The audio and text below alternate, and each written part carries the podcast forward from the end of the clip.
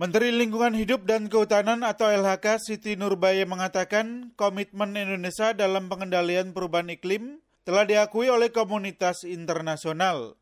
Hal tersebut terlihat dari sidang Dewan Green Climate Fund atau GCF pada 18 hingga 21 Agustus 2020 yang menyetujui proposal pembayaran berbasis hasil Red Plus Indonesia sebesar 103,8 juta dolar Amerika.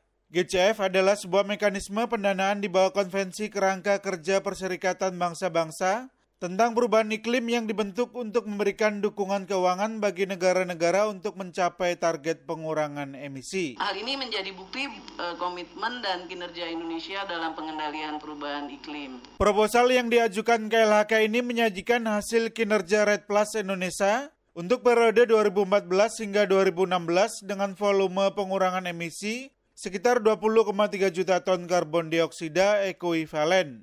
Menurut Siti, pemerintah melakukan sejumlah langkah untuk mengurangi emisi yang disumbang dari deforestasi hutan dan degradasi hutan, antara lain dengan merehabilitasi hutan dan lahan, perlindungan dan pengamanan kawasan hutan konservasi, serta meningkatkan akses kelola hutan masyarakat.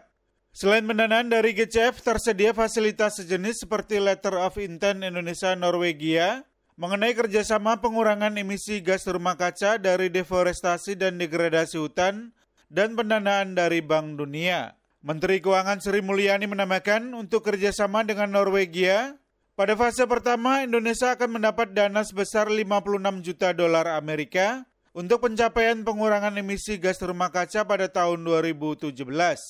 Menanggapi itu, Direktur Eksekutif Yayasan Madani Berkelanjutan Muhammad Teguh Surya meminta pemerintah memaksimalkan dana GCF untuk penurunan deforestasi dan degradasi hutan. Namun ia pesimistis pemerintah akan menjalankan program-program penurunan deforestasi. Sebab kata dia pemerintah dan DPR kini sedang membahas Omnibus Law RUU Cipta Kerja yang di dalamnya terdapat pasal-pasal yang mengancam keberlangsungan hutan. Kami malah sudah menghitung bahwasannya dengan RUU Cipta Kerja itu hutan akan akan habis lebih cepat, kemudian komitmen iklim itu tidak akan tercapai.